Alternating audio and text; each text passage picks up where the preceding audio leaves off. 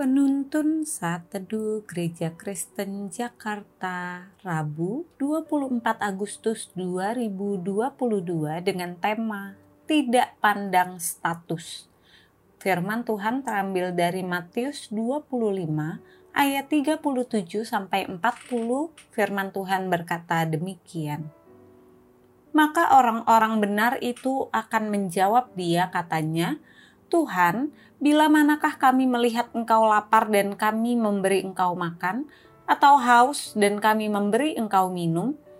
Bila manakah kami melihat engkau sebagai orang asing dan kami memberi engkau tumpangan atau telanjang dan kami memberi engkau pakaian?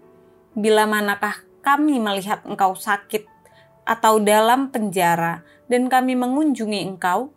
Dan raja itu akan menjawab mereka, Aku berkata kepadamu, Sesungguhnya segala sesuatu yang kamu lakukan untuk salah seorang dari saudaraku yang paling hina ini, kamu telah melakukannya untuk aku.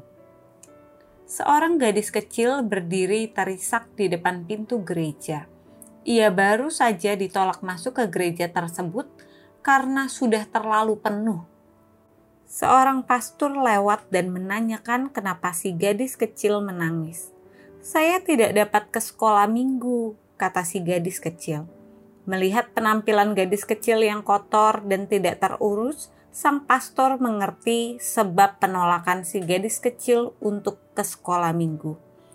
Gadis kecil ini begitu tergugah perasaannya. Sebelum tidur, ia selalu memikirkan anak-anak miskin lainnya yang senasib dengannya.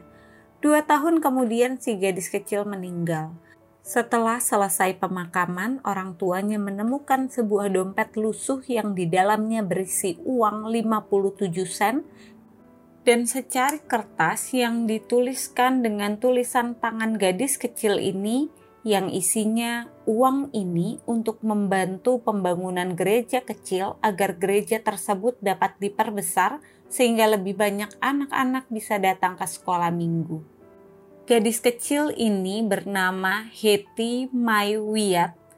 Ia menjadi pelopor dibangunnya Temple Baptist Church di Philadelphia dengan kapasitas duduk untuk 3.300 orang.